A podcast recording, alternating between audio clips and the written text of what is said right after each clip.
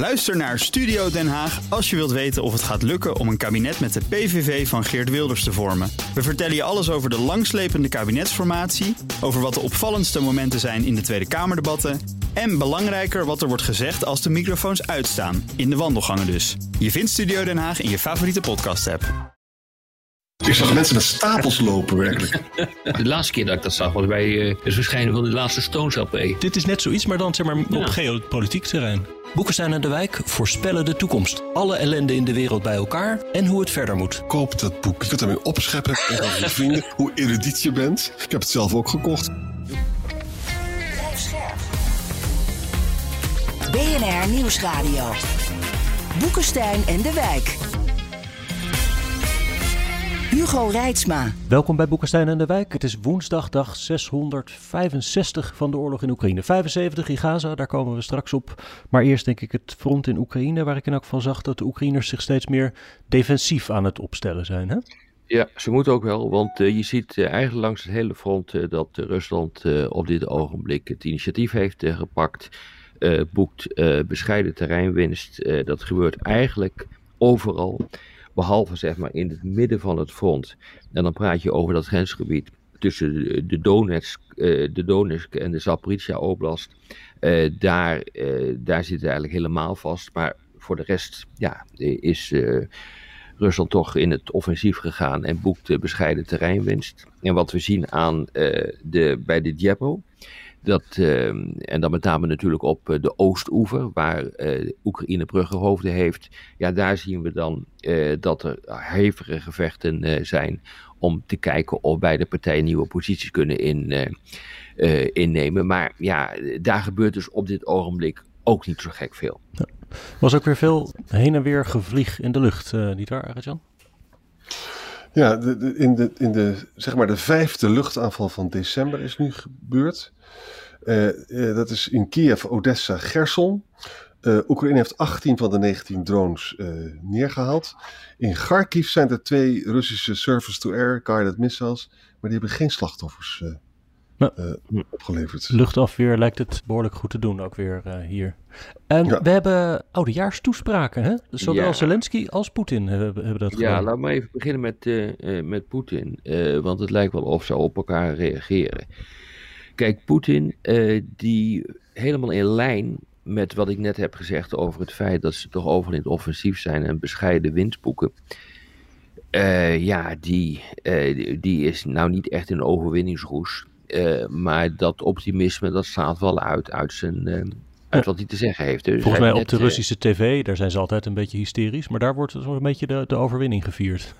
oh ja, goed. Ik bedoel, vanuit Russisch perspectief is het ook prima wat er op dit ogenblik gebeurt in het Westen. Dat doen wij onszelf natuurlijk aan. Ja. Maar hij heeft een speech gehouden voor een of ander, Poetin dan, voor een of ander colloquium voor het ministerie van Defensie.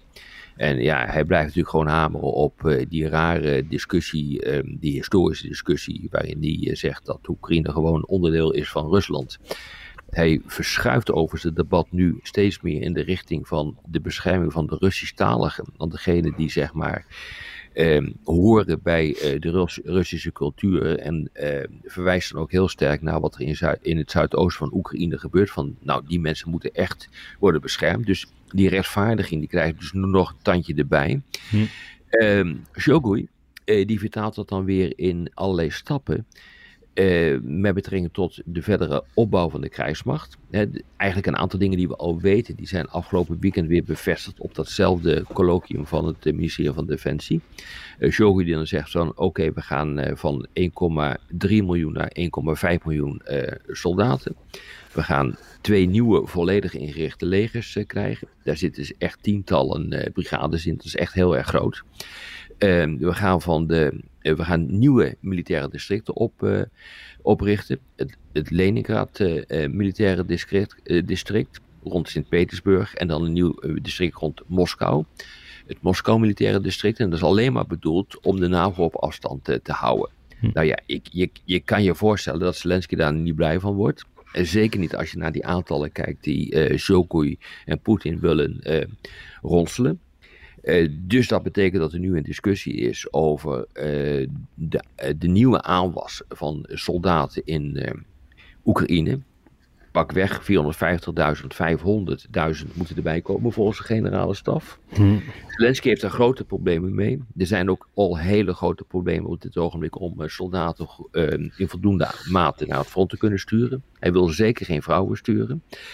Hij wil wel jongeren uh, die niet een reservistenstatus hebben, dus, dus niet eerder in dienst zijn geweest volgens mij. Uh, daarvan wil hij de leeftijd uh, verlagen om ze te kunnen oproepen. Dat moet van 25 naar, uh, naar 25 jaar gaan. Dat was 27. Ja, en vervolgens roept hij: Ik werk aan een vredesformule. Oh, ja. want ik loop internationale fora af, maar Rusland wil niet. En hij, hij, formuleert het dus in een hele moeilijke, uh, onder hele moeilijke omstandigheden. Hè? Er is spanning tussen die uh, en uh, die generaal, weet je wel, mm. en Zelensky zelf. En hij zegt letterlijk van ja, de krijgsmacht adviseert mij om te mobiliseren met 450.000 tot 500. Hij durft dat zelf niet goed, zoals Rob terecht zegt. Waarom? Er zijn met recrutering is zoveel corruptie geweest. Dat is ook allemaal naar voren gekomen. Het is ook zo dat het land oorlogsmoe is, dat er ongelooflijk veel slachtoffers zijn. En Zelensky is natuurlijk ook bang dat als hij echt uh, gaat mobiliseren, dat er, dat er allemaal tegenkrachten misschien. Het Net is zoals ook Poetin enorm, hè? Er zijn Ja. ruim een miljoen mensen gemobiliseerd in Oekraïne sinds het begin van de oorlog. Dus een half miljoen erbij, dat is enorm. Dat is enorm. Dat is enorm. Ja, op een bevolking van ruim 40 miljoen, waarvan een deel inmiddels al in het buitenland zit. Ja. Eh, dus Ja. eh, dit, is, eh, dit, dit zijn enorme percentages. Als je dus dit gaat doen, voor, voor Rusland is het al veel, maar als je dus dit gaat Ja, ja. doen, daarmee eh, ondermijn je dus ook eh, de toekomstige economische ontwikkeling eh, van het land. En dan krijg je dus een demografische dip eh, van enige omvang. Ja, weet je, eh, dan, dan, dan maak je het land dus uiteindelijk ook economisch kapot. Dus dit moet ook stoppen. Vandaar dus dat eh, Zelensky zegt van ja, maar ik ben ook bezig met eh, een, eh, een vredesinitiatief, maar dat lukt maar niet. Ja, die Salus die ik net noemde, die generaal, die wordt erg gesteund door de meerderheid van de Oekraïners. 92% van de Oekraïners hebben vertrouwen in die man. En dat zo'n stuk verschijnt dan in The Guardian natuurlijk, omdat er gewoon nog steeds gedonder is tussen Zelensky en die Saluzny. Hè? En, eh, maar ja, dit is wel een heel, heel bijzonder moment, want eh, eigenlijk zegt Zelensky dus indirect, en hij zegt gewoon direct, hij wil eigenlijk eh, vredesonderhandelingen. Dat heb ik hem nog niet eerder horen Nou zeggen. ja, heeft hij natuurlijk al gedaan. hè. We hebben een tijdje geleden ook eh, gemeld dat hij op Malta is eh, geweest. Hij heeft eh, een jaar geleden, denk ik alweer, een vredesplan voor de VN-veiligheidsraad, of voor de VN-algemene vergadering gepresenteerd.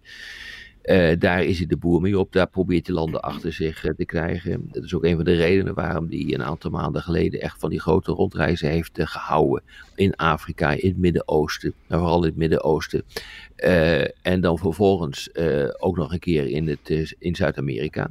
Want hij probeert nu gewoon mensen achter zich te krijgen voor dat vredesplan. Maar dat, dat lukt niet echt, omdat ja, Rusland wil natuurlijk niet echt onderhandelen, omdat hij een soort over, overwinning ruikt. Die, dat volgens mij nog eh, behoorlijk eh, onterecht is. Maar goed, ik bedoel, eh, onder deze omstandigheden wil Rusland zeker niet onderhandelen. Hey, trouwens, over de westerse steun zag ik dat de Amerikaanse Senaat heeft laten weten dat ze niet Ja. voor begin volgend jaar opnieuw gaan stemmen over eh, extra steun voor Oekraïne. En de Europese leiders zullen 1 februari weer bijeenkomen over de meerjarenbegroting, waar dus ook de hulp Ja. voor Oekraïne in zit. Nou ja, dus daar dat laat allemaal wachten. Ja, daar wordt Zelensky natuurlijk niet blij van. Ja. Wie- begrijp een, van jullie zag, een van jullie zag ook nog iets over eerdere onderhandelingen. Peskov had daar een, eh, een uitspraak over gedaan. Ah, John, ja, jij zei dat, toch? Ja, ja, Peskov die zei eh, dat Oekraïne trok zich in 2022 terug uit de vredesbesprekingen onder druk van het Verenigd Koninkrijk. Ik denk dat het vandaag? gedeeltelijk waar is. Eh, Kijk, eh, als je kijkt wat er toen is gebeurd, eh, toen, al, toen was er al sprake voordat de oorlog begon eh, over een soort vergelijk, om daarover te onderhandelen. Eh, en eh, op een gegeven moment is daar, een, ehm, is daar een, inderdaad een vergelijk on- ontstaan. En dat heeft een gezant van Poetin gedaan en die, ehm, eh, die zijn tot een akkoord gekomen. Maar die gezant is afgeserveerd door Poetin. Die zei dat wil ik niet. Dus toen is Ja. die oorlog verder gegaan. En achter de schermen hebben, laten we zeggen, gedurende een periode van twee maanden hebben onderhandelingen plaatsgevonden. En het is inderdaad volgens mij zo eh, dat Boris Johnson een rol daarin heeft eh, gespeeld. Die was Eh, de eerste in, Kiev, hè? Ja. Ja, en die heeft inderdaad gezegd van jullie doen het zo goed. Kijk maar wat er gebeurt op dit ogenblik met de Russen in het noorden. Jullie kunnen dat wel aan.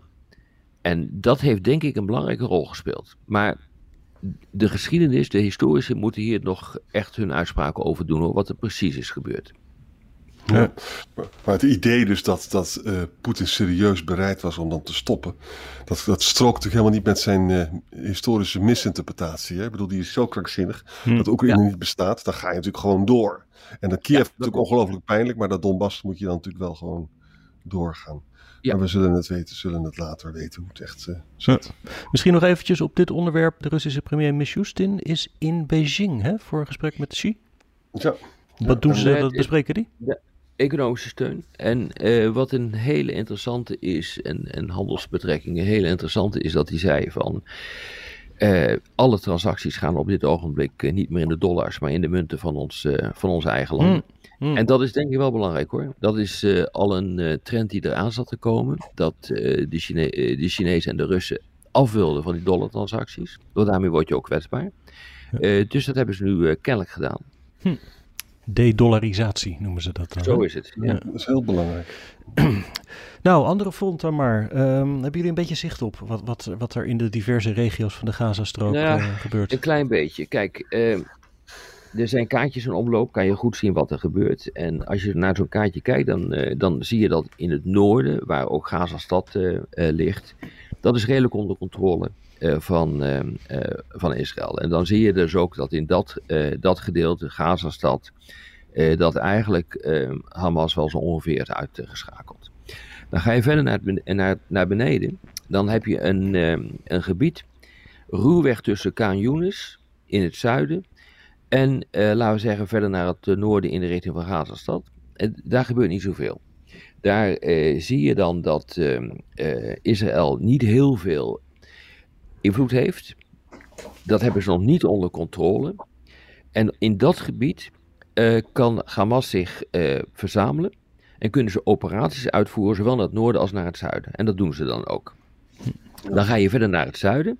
Dan kom je in Khan terecht. In Khan Yunis, daar, rond die stad zie je dat er ehm, Israëlische troepen zijn gestationeerd maar niet in heel grote mate. Vandaar dus dat er nu besloten is om een extra brigade naartoe uh, te sturen. Um, maar je ziet dus dat uh, als je naar de kaart kijkt, dan zie je dat er behoorlijk wat werk nog moet worden verricht door um, Israël om het hele gebied echt gewoon van Hamas uh, te zuiveren. Dus ik kan me heel goed voorstellen dat om deze militaire redenen Netanyahu ook zegt van, nou we zijn nog niet klaar met de klus, we gaan nog even door. Ja. Tegelijk zijn er wel ineens weer hoopvolle signalen over een nieuwe gijzelaarsdeal, hè? Nou, ik vind ze niet zo hoopvol, want als je hoort wat ze zeggen, Hanier, uh, die is dus die is daar naartoe en meestal komt hij uh, pas op de proppen als er ook echt kansen zijn. Dus in die de, zin de leider van Hamas die is naar Egypte afgereisd. Ja. Uh, en hij wil dus heel, heel staakt het vuren en hij wil gijzelaars en hij wil natuurlijk de hulp. Hè? Maar ja, Israël vindt dat er nu de, alle vrouwen en de zwakkeren moeten worden vrijgelaten. Ja. Maar Hamas die wil dat alleen maar doen als er een einde is aan de oorlog. En uh, Israël zegt van ja, dat kan pas als alle gijzelaars worden vrijgelaten en Hamas totaal wordt vernietigd. Nou, hmm, als je okay. zegt, als je als eis stelt dat Hamas totaal wordt vernietigd, dat lijkt me dat een geweldige reden om door te vechten. Hmm. Toch? Ja. Nou ja, goed, allebei, de, ja, weet je, allebei stellen nu eisen die de ander niet wil. Dus uh, dat, dat blijft ook nog even te doorgaan. Maar het feit dat Haniyeh uh, is afgereisd naar Egypte om daarover te praten, vind ik niet helemaal zonder betekenis. Uh, ook Israël heeft uh, gezegd van oké, er wordt inderdaad over gesproken en er wordt enige progressie gemaakt.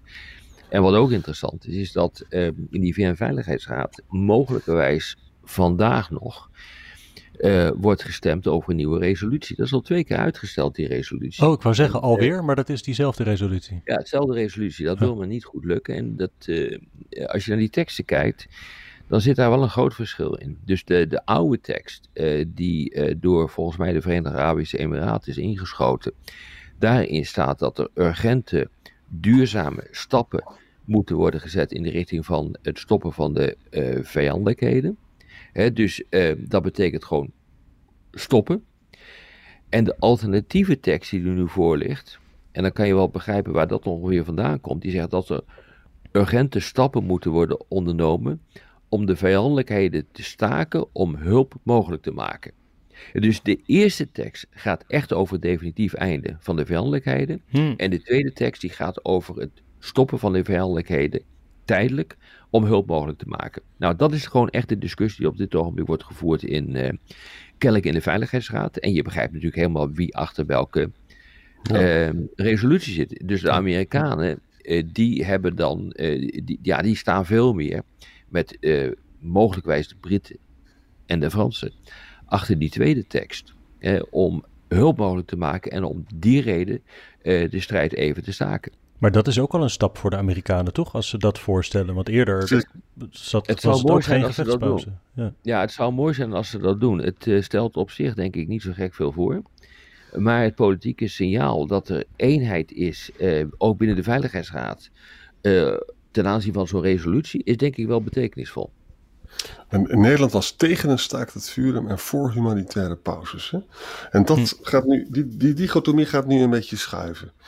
Maar ja, de, de Amerikanen hebben nog drie weken nodig, hebben ze ook weer gezegd, eh, twee dagen geleden.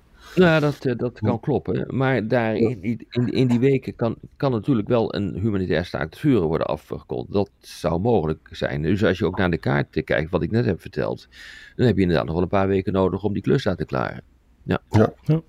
Er zijn zes Hezbollah-raketten onderschept. eh, in het noorden dus. Hè? En ook, eh, eh, ja, ook wat infrastructuur is daar kapot gemaakt eh, aan de Libanese kant.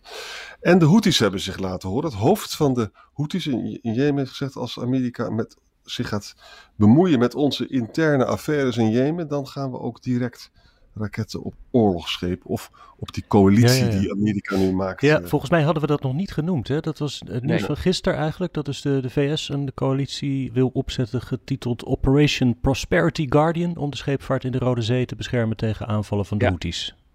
Ja, dat is echt belangrijk hoor, wat er gaat eh, gebeuren. En ehm, dus eh, Austin, de minister van eh, Defensie, heeft zich daar hard voor gemaakt. Althans, de, dat is de belangrijkste spreekbuis hiervan. Biden zit er natuurlijk achter, dat kan niet anders. Eh, maar ja, weet je, het loopt ook wel een beetje uit de hand. Er is een olietanker, ehm Swan Atlantic, eh, die is met drones en anti-scheepsraketten ehm, eh, bestookt. En op een gegeven moment zegt men natuurlijk, ja, nu is het genoeg. Realiseer je dat een, eh, een belangrijk deel ehm, eh, van de handel, 15% van de wereldhandel, loopt door dat eh, gebied. Eh, je hebt grote problemen met betrekking tot de toegang voor, tot ehm, het Suezkanaal. Dus dat hele gebied, ehm, dat is buitengewoon belangrijk voor de scheepvaart. En tegelijkertijd is het gewoon linkersoep wat er aan de hand is.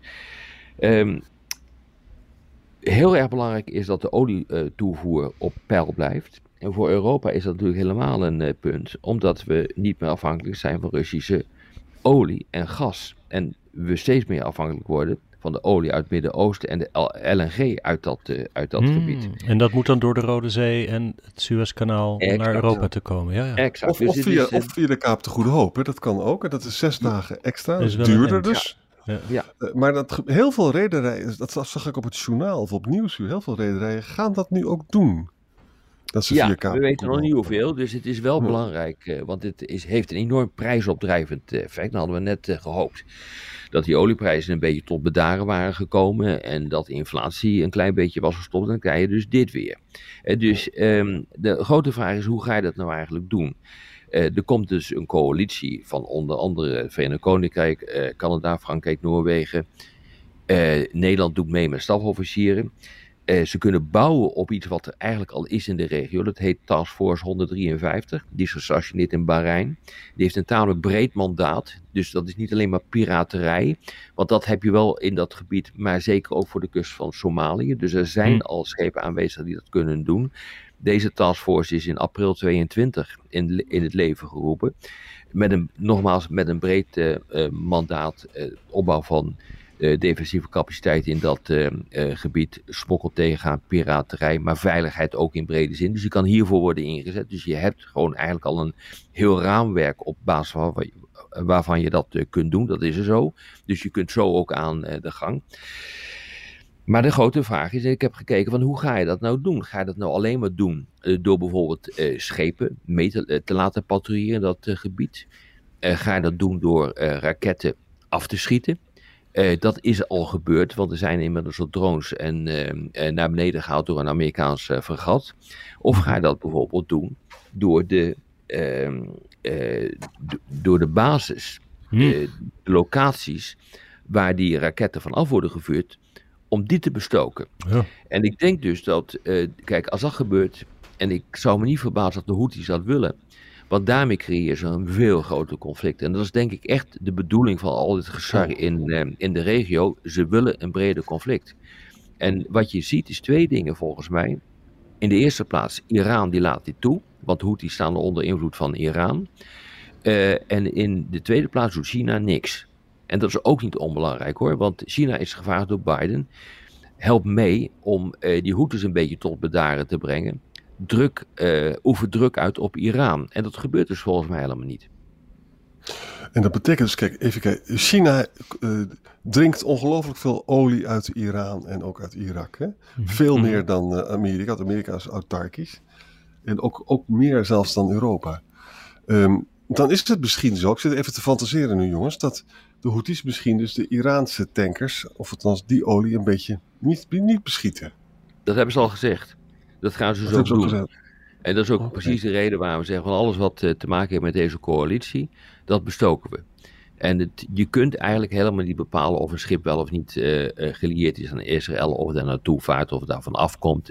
maar die Houthis doen maar wat. Dat wil zeggen, volgens mij hebben ze maar één doel, en dat is het creëren van een grotere, bredere oorlog in het, in het Midden-Oosten hoe meer chaos, hoe beter het is. En volgens mij is het dan ook zo dat Iran dat ook wel prachtig, prachtig vindt. Dus Iran heeft een strategie uh, waarbij ze eigenlijk zelf niks doen, maar ze laten het vechten over en het, het trappen van, van shit over aan uh, hun proxies. En dat zijn onder andere de Houthis, maar ook alle strijdgroepen, zoals Hezbollah in, uh, in Libanon, die overigens ook meer van zich laat horen. En de Houthis belagen dus schepen in de Rode Zee, maar niet in de Persische Golf nog. Of klopt dat niet? Heb ik niet Nee, gehoord. niet in de Persische Golf. Nee, nee, nee, nee.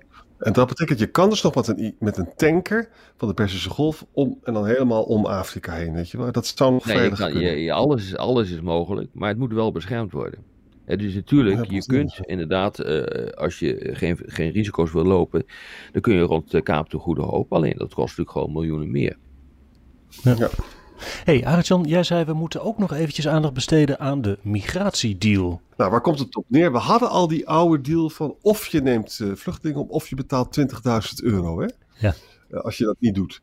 Nou, dat is weer bevestigd. Maar het belangrijkste besluit is eigenlijk dat als iemand, als een veilige lander aankomt in Europa, dan gaat hij naar een apart detentiecentrum. Hm. En dan wordt hij daar vandaan ook snel teruggebracht eh, naar zijn land. Nou, dat, eh, mensenrechtenorganisaties hebben het daar moeilijk mee, want dat betekent ook namelijk dat kinderen eh, eh, en ouders van elkaar gescheiden zouden kunnen worden. Eh, maar het is heel interessant wat hier gebeurt. De, de inschatting van eh, ook von der Leyen, hè, de commissie, maar ook dus van heel veel politici in het Europese parlement is, als wij nu niet grip krijgen op migratie en met name op die veilige landers, dan krijgen we straks heel veel extremistische partijen in het Europese parlement. En daardoor, onder die druk, werd alles opeens vloeibaar. En in nationale parlementen, hè? want het is natuurlijk in veel landen, Ja. waaronder niet in de laatste plaats Nederland, is dit een, eh, een hot issue. Ja. Ja. Ja. en op zichzelf genomen is het natuurlijk ook wel- rechtvaardig dat mensen die geen recht hebben om niet te blijven, dat die dan ook teruggaan. De ellende is alleen dat die, die techniek hebben we nooit onder de, onder de knie gehad. Hè? Want weet je wat, Mar- Marokko nam geen mensen terug. En in Algerije was dat ook lastig.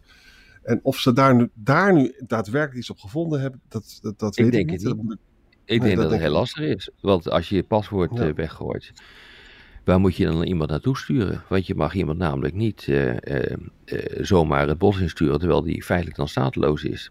Dus ehm, dat is dan ook weer tegen het internationale recht. Dus ik ben heel benieuwd hoe ze dat gaan doen. ja. Nou ja, het is in elk geval wel een stap en eentje waar echt jaren over is onderhandeld. Hè? Dus dat Ja, 20 Zeker. jaar, weet je dat? 20 jaar. Ongelooflijk. Ja. Ja. En nu opeens kunnen er dingen, maar dan, bij de implementatie eh, dat, zijn het nog allemaal grote problemen. Ja, moet niet ook wel- bijvoorbeeld Orbán hier dan ook nog akkoord mee gaan of iets dergelijks? Nou, dat Ja, Orbán die hoeft, dus, ja, die hoeft alleen maar te dokken dus nu. Hè? Hij neemt- geen vluchteling Ja. op, maar hij moet wel 20.000 euro per vluchteling Ja. betalen. Oh ja, en. Dublin hebben ze. En Dublin hebben ze hersteld. Hè. Je kan dus, je kan Italië, in Italië is het zo dat je, mensen lopen gewoon door naar Nederland of naar België of naar Duitsland. Mhm. hè. En nu is het zo, als je in Italië dus binnenkomt, dan mag Nederland ook terugsturen naar Italië. Ja. En dat is ook een Ja, enorme lastig hoor. Het wordt echt Ja. heel erg lastig voor, ehm, eh, voor vluchtelingen. Of voor migranten moet je eigenlijk in algemene eh, zin zeggen. Het wordt echt heel erg lastig om op deze manier eh, de Europese Unie binnen te komen. Want jouw, jouw voorland is dus gewoon een, een opvangplek in een van eh, de landen waar je binnenkomt. En dat zijn vaak niet de fijnste plekken. Hm. Dus je kunt niet meer zo zonder meer doorreizen naar het, eh, naar het, eh, het noorden bijvoorbeeld. Omdat je denkt dat je daar een beter leven hebt. Dus je moet daar het afwachten. En je wordt er heel snel uitgegooid als je geen kans krijgt. En de meesten hebben gewoon geen kans. Ja, het is echt een- stap naar een Fort Europa. Ja, oh absoluut. Ja, dat vind ik ook, ja. Hey, zullen we morgen verder gaan of zo? We zijn al 25 Lijkt me een minuten aan het kletsen met elkaar, zie Ja. ik. Ja. Doen we dat. Dank jullie wel. Tot morgen. morgen. Ook Diana Matroos vind je in de BNR-app. Ja, inderdaad. Je kunt live naar mij luisteren tijdens de Big Five. Ook handig in de BNR-app. Breaking nieuwsmeldingen, maar ook het allerlaatste zakelijke nieuws. En je vindt in de app alle BNR-podcasts, waaronder Wetenschap Vandaag. Download nu de gratis BNR-app en blijf scherp.